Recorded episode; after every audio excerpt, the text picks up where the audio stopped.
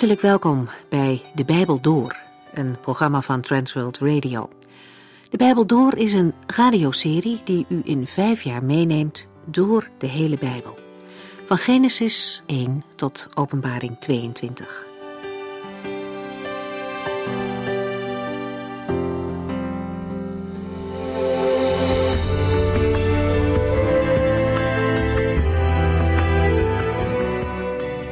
Mocht u vragen hebben, dan kunt u ons bellen tijdens kantooruren.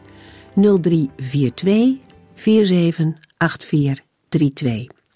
En natuurlijk vindt u ook veel informatie over het wereldwijde werk van Transworld Radio op onze website. Kijkt u dan op transworldradio.nl.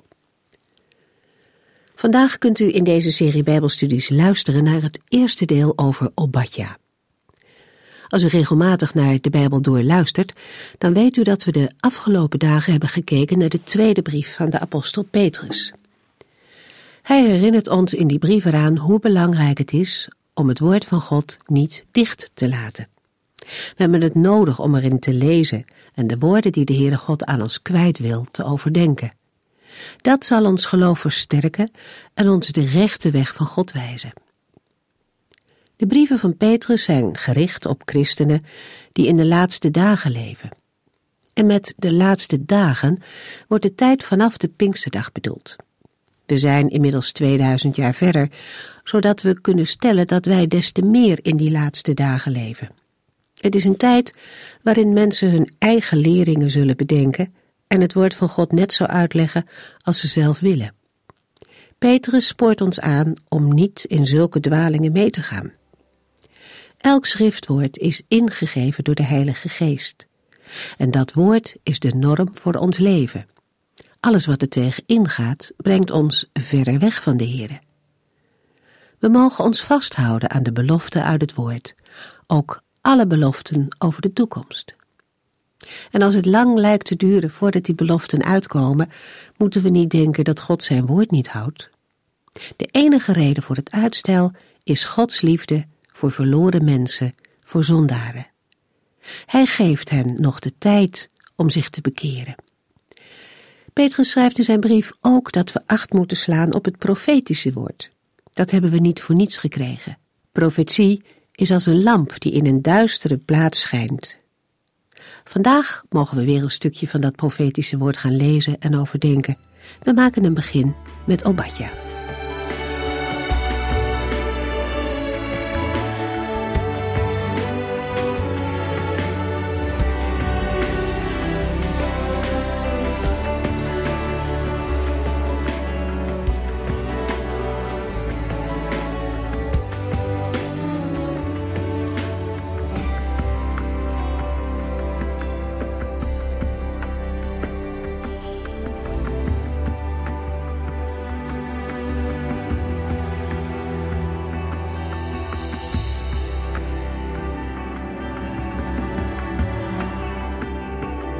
Het Bijbelboek met de profetie van de profeet Obadja is het kleinste van de kleine profeten.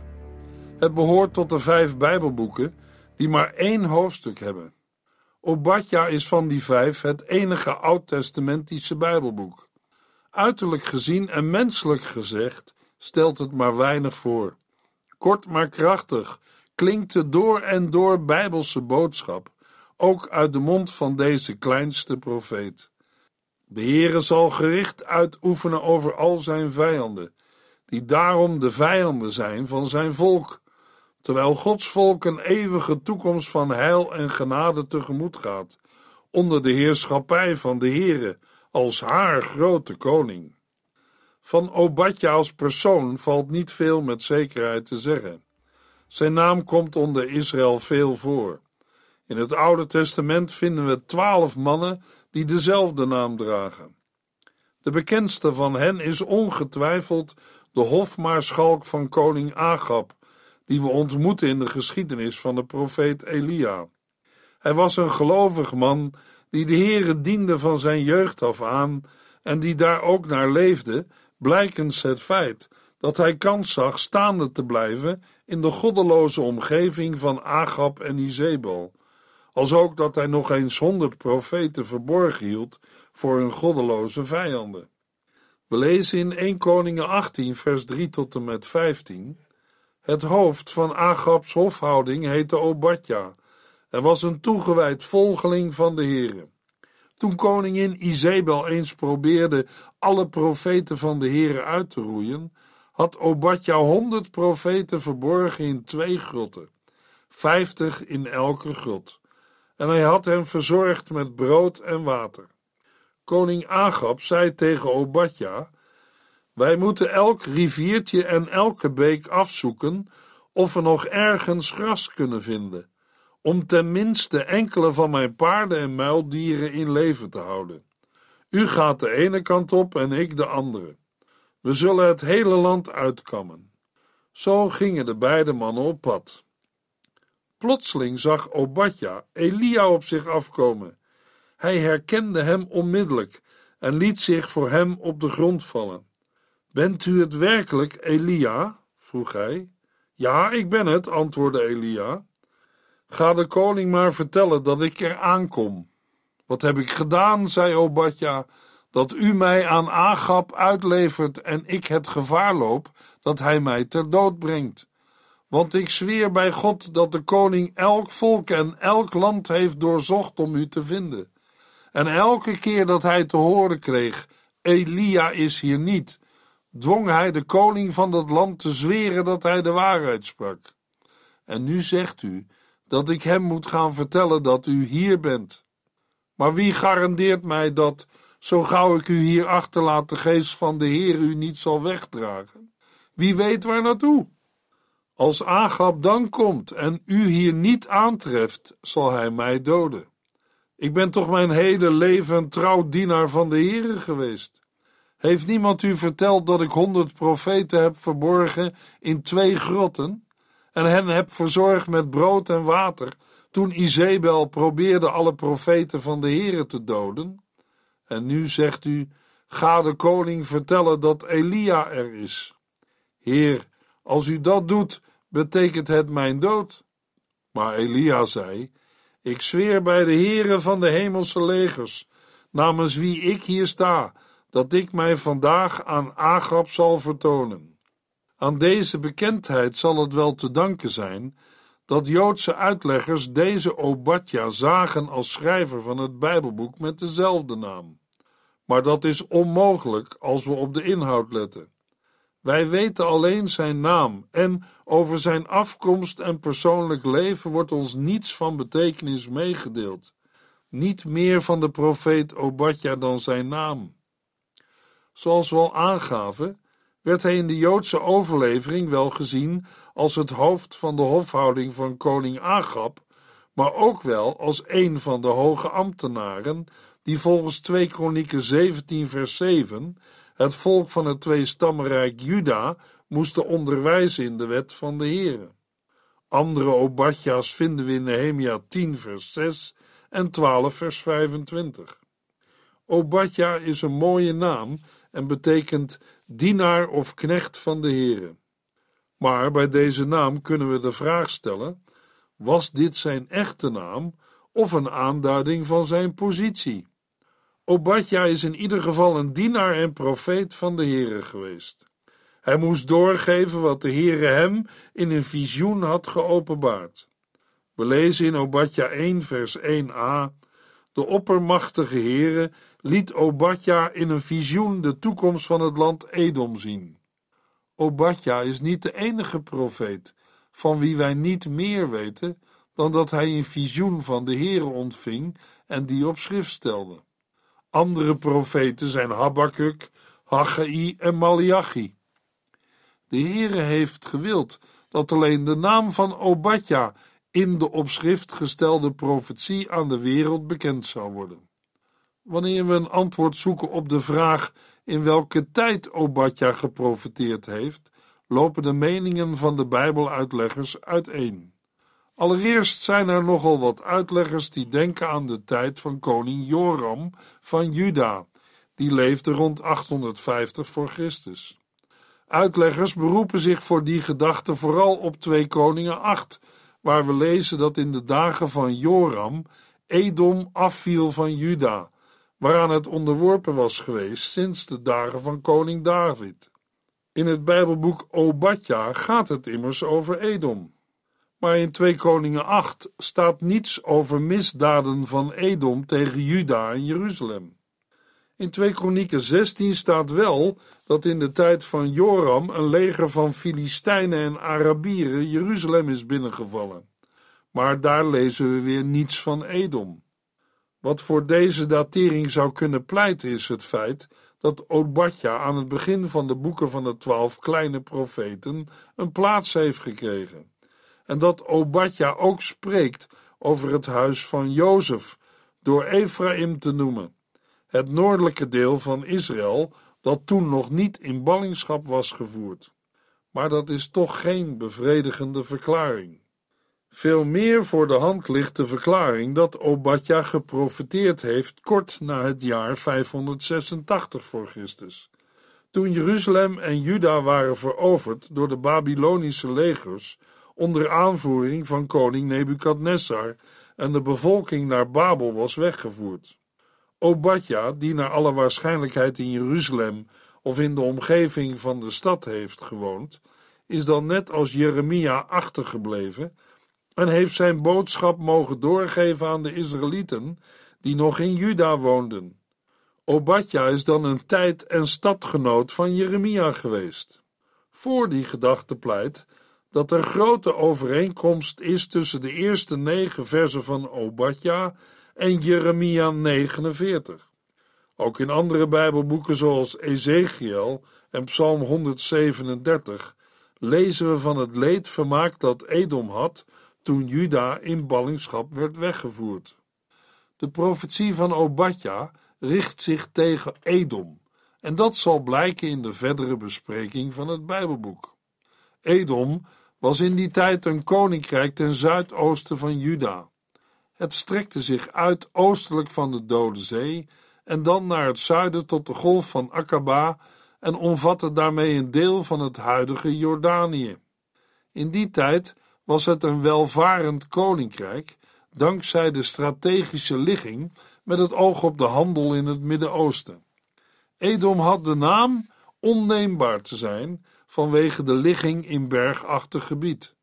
Daarnaast stond het bekend vanwege de wijsheid die er werd gevonden, in het bijzonder bij de Themanieten, van wie wij er één bij name kennen, namelijk Elifas, een van de vrienden van Job.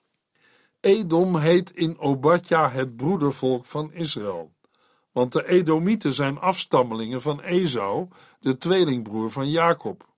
Daarmee is tegelijk de verhouding van Edom tot het volk van God, Israël, getypeerd.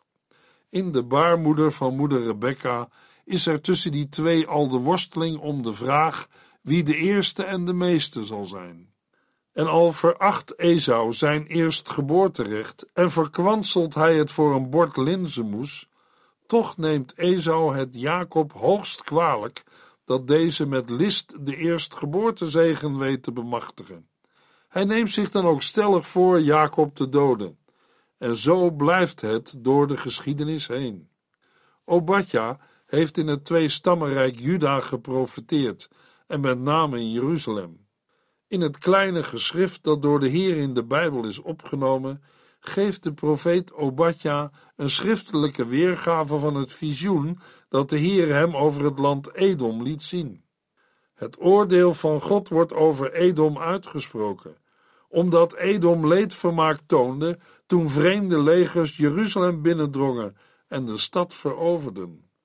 Obadja laat Edom horen en zien dat straks de grote dag van de Heere zal komen en dat dan de rollen zijn omgedraaid.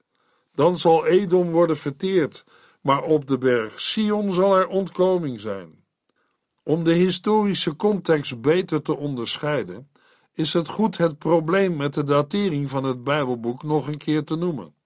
Sommige uitleggers hebben de profeet Obadja geplaatst in de tijd van de Judese koning Joram, toen de Filistijnen met de Arabieren Jeruzalem binnendrongen. We lezen zijn trieste geschiedenis in 2 Kronieken 21. In vers 6 en 7 van 2 Kronieken 21 lezen we over koning Joram, maar hij was net zo goddeloos als de koningen die over Israël regeerden. Zelfs net zo goddeloos als Agab, want Joram was getrouwd met een van de dochters van Agab en zijn hele leven was een aaneenschakeling van goddeloze daden. De Heere wilde echter geen einde maken aan het koningshuis van David, want hij had tenslotte een verbond gesloten met David, waarbij hij had beloofd dat altijd een van zijn nakomelingen op de troon zou zitten. Hoe het dan verder gaat en wat de relatie met Edom is, lezen we in de volgende versen. 2 Kronieken 21 vers 8 in die tijd kwam de koning van Edom in opstand en verklaarde zich onafhankelijk van Juda. De achtergrond daarvan is dat Edom al tijdens de regering van koning David aan Israël onderworpen was. 2 Kronieken 21 vers 9 tot en met 15 Joram ging er met zijn hele leger en al zijn strijdwagens op af. De Edomieten omsingelden hem en zijn strijdwagens, maar s'nachts deed Joram een uitval en versloeg de Edomieten. Toch is Edom tot op de dag van vandaag erin geslaagd onder het gezag van Juda uit te komen. Ook Libna kwam in opstand omdat Joram zich had afgekeerd van de Heere, de God van zijn voorouders. En wat nog erger was, Joram bouwde afgoden tempels in de heuvels van Juda en verleidde de inwoners van Jeruzalem zijn slechte voorbeeld te volgen en afgoden te vereren. De profeet Elia schreef hem toen de volgende brief. De Heere, de God van uw voorvader David, zegt dat u de goede wegen van uw vader Jozefat en koning Asa niet hebt gevolgd. Dat u net zo goddeloos bent als de koningen van Israël. Dat u er de schuld van bent dat de inwoners van Juda en Jeruzalem afgoden vereren, net als in de tijd van koning Agab, en dat u uw broers hebt gedood, die beter waren dan u. Daarom zal de Heer uw volk verwoesten door een grote plaag. U, uw kinderen, uw vrouwen en alles wat u bezit zullen worden vernietigd. U zult worden gestraft met een ziekte aan de ingewanden. Door deze jarenlange ziekte zullen uiteindelijk uw ingewanden uw lichaam uitkomen. Geen fijne boodschap. Maar het vervolg geeft aan dat het is gebeurd. De Heere doet wat hij via zijn profeet heeft laten weten. We lezen in 2 Kronieken 21 vers 16 tot en met 20. De Heere zette toen de Filistijnen en de Arabieren, die naast de Ethiopiërs woonden, op tegen Joram.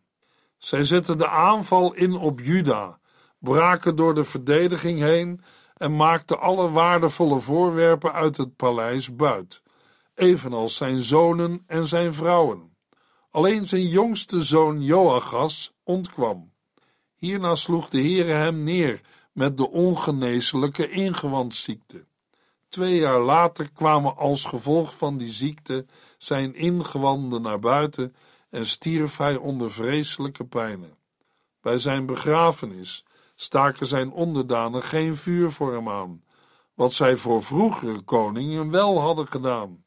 Joram was 32 jaar toen hij koning werd en hij regeerde acht jaar in Jeruzalem. Niemand rouwde om hem na zijn dood. Hij werd begraven in Jeruzalem, maar niet op de koninklijke begraafplaats toen de Filistijnen en de Arabieren door de verdediging van Jeruzalem heen braken, zouden de Edomieten zich hebben verheugd over de ondergang van Juda en koning Joram. Volgens een aantal uitleggers zou Obadja toen zijn profetie over Edom hebben uitgesproken. In dat geval zou Obadja de oudste profeet zijn van wie wij een geschrift in de Bijbel bezitten. Toch is het waarschijnlijker dat we niet aan het jaar 845 voor Christus moeten denken, maar eerder aan het jaar 586 voor Christus, toen Nebukadnessar Jeruzalem veroverde. Wij weten uit andere Bijbelplaatsen dat Edom zich toen wel verheugde. We lezen bijvoorbeeld in Klaagliederen 4, vers 21 en 22. Volk van Edom, vier uw feest in het land van Oes. Ook u zult kennis maken met de vreselijke toorn van de Heeren. Eens zal er een einde komen aan de ballingschap, de straf die Israël om haar zonde kreeg opgelegd. Maar de zonden van Edom zullen worden blootgelegd, en de Heere zal dit volk oordelen. Verder lezen we in Ezekiel 25, vers 12 tot en met 14. En de oppermachtige Heere vervolgt, omdat het volk van Edom zo enorm heeft gezondigd door zich te wreken op het volk van Juda, zal ik Edom met mijn vuist neerslaan en haar volk en al het vee uitroeien. Het zwaard zal alles, van Teman tot Dedan, verwoesten. Dit zal gebeuren door de hand van mijn volk Israël. Edom zal mijn vreselijke wraak aan de lijve ondervinden. En verderop in Ezekiel 35, vers 1 tot en met 5.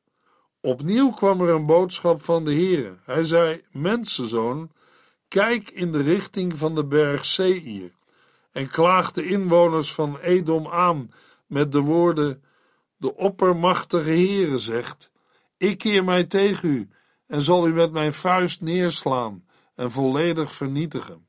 Omdat u mijn volk Israël haat, zal ik uw steden verwoesten en u tot een onbewoonbaar gebied maken. Dan zult u weten dat ik de Heere ben. U bent altijd al vijanden van Israël geweest en hebt hen overgeleverd aan oorlogsgeweld toen er met Israël werd afgerekend.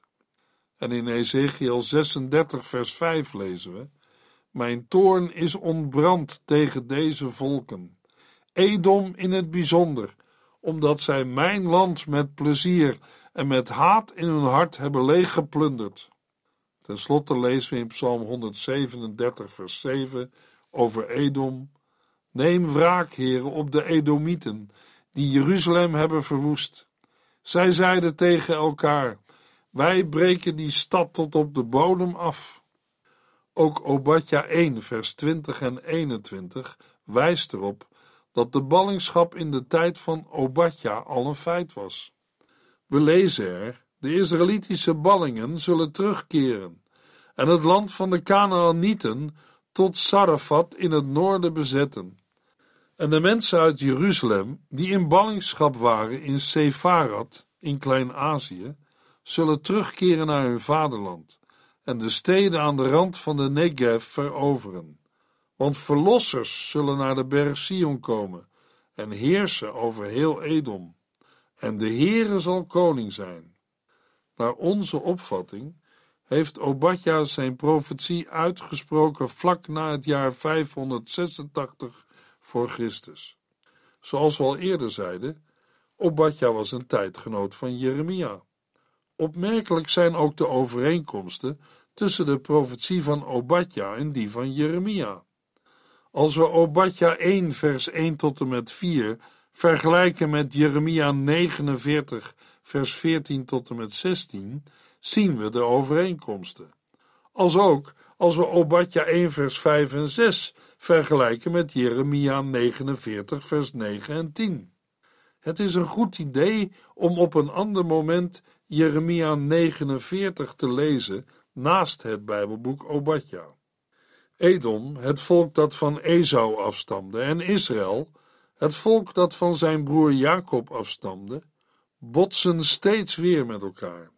Edom is het broedervolk dat niet wil buigen voor Israël en ook niet wil erkennen dat Israël de meerder is. Daarmee weigert Edom ten diepste de plaats te aanvaarden die de Heer aan Edom toewijst, onderworpen aan Jacob, aan Israël, om daarmee deel te hebben aan de zegen van de God van Israël. Maar Edom, broeder Esau, sluit zich aan bij de vijandelijke machten van de wereld die altijd weer opstaan tegen de God van Israël en zijn volk. Die tegenstand krijgt in het Nieuwe Testament een trieste climax, als koning Herodes, zelf een Edomiet, de kinderen van Bethlehem laat doden. Hij hoopt daarmee te voorkomen dat de Messias, de grote koning van Israël, die in Bethlehem is geboren, als koning zal gaan regeren, zoals de Heere altijd had beloofd aan koning David. Er lopen lijnen van Edom naar de Antichrist, van wie het Nieuwe Testament spreekt. Dat moeten wij niet vergeten als we in Psalm 137 het gebed van de ballingen in Babel horen bidden om de wraak van de Heere over Edom. Daar zit hetzelfde verlangen in als in het gebed van de zielen onder het altaar in Openbaring 6. We lezen in Openbaring 6, vers 9 tot en met 11.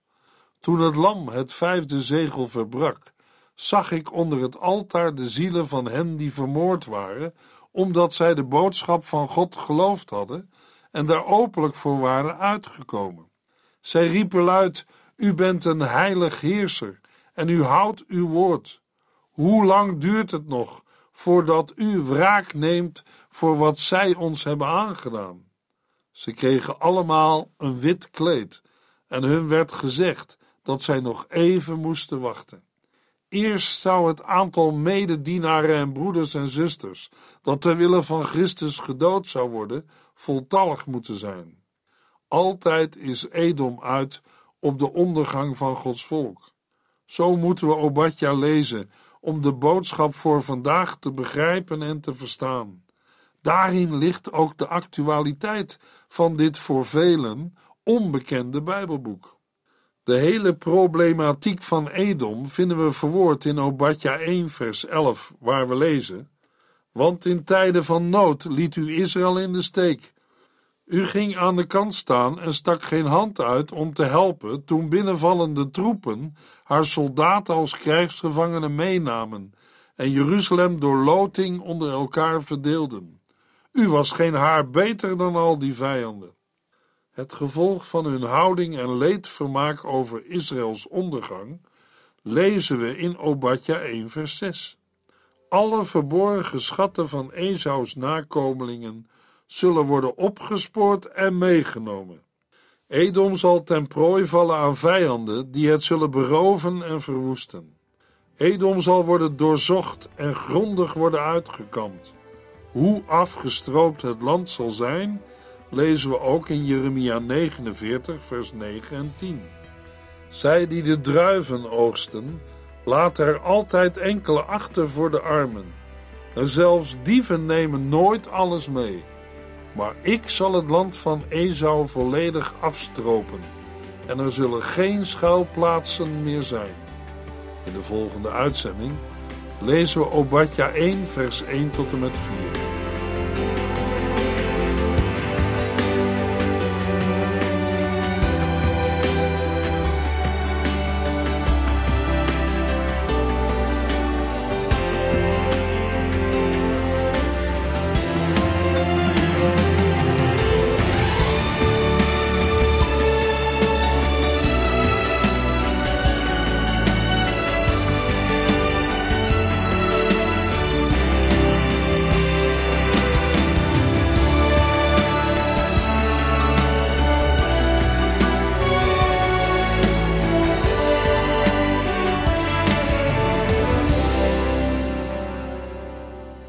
Geluisterd naar De Bijbel Door.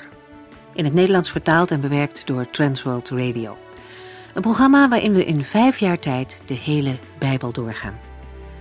Als u wilt reageren op deze uitzending of u heeft vragen, dan kunt u contact met ons opnemen. Tijdens kantooruren kunt u bellen op 0342 47 8432. 0342 47 8432. 32. Ook kunt u een e-mail sturen naar de Bijbel door transworldradio.nl en natuurlijk kunt u ook via de post ons bereiken. TWR, postbus 371, postcode 3770, AJ in Barneveld. Dit programma werd gepresenteerd door Corweda en Ike André. Techniek was in handen van Odin van Woerdenkom. En namens ons allemaal bedanken we u van harte voor het luisteren.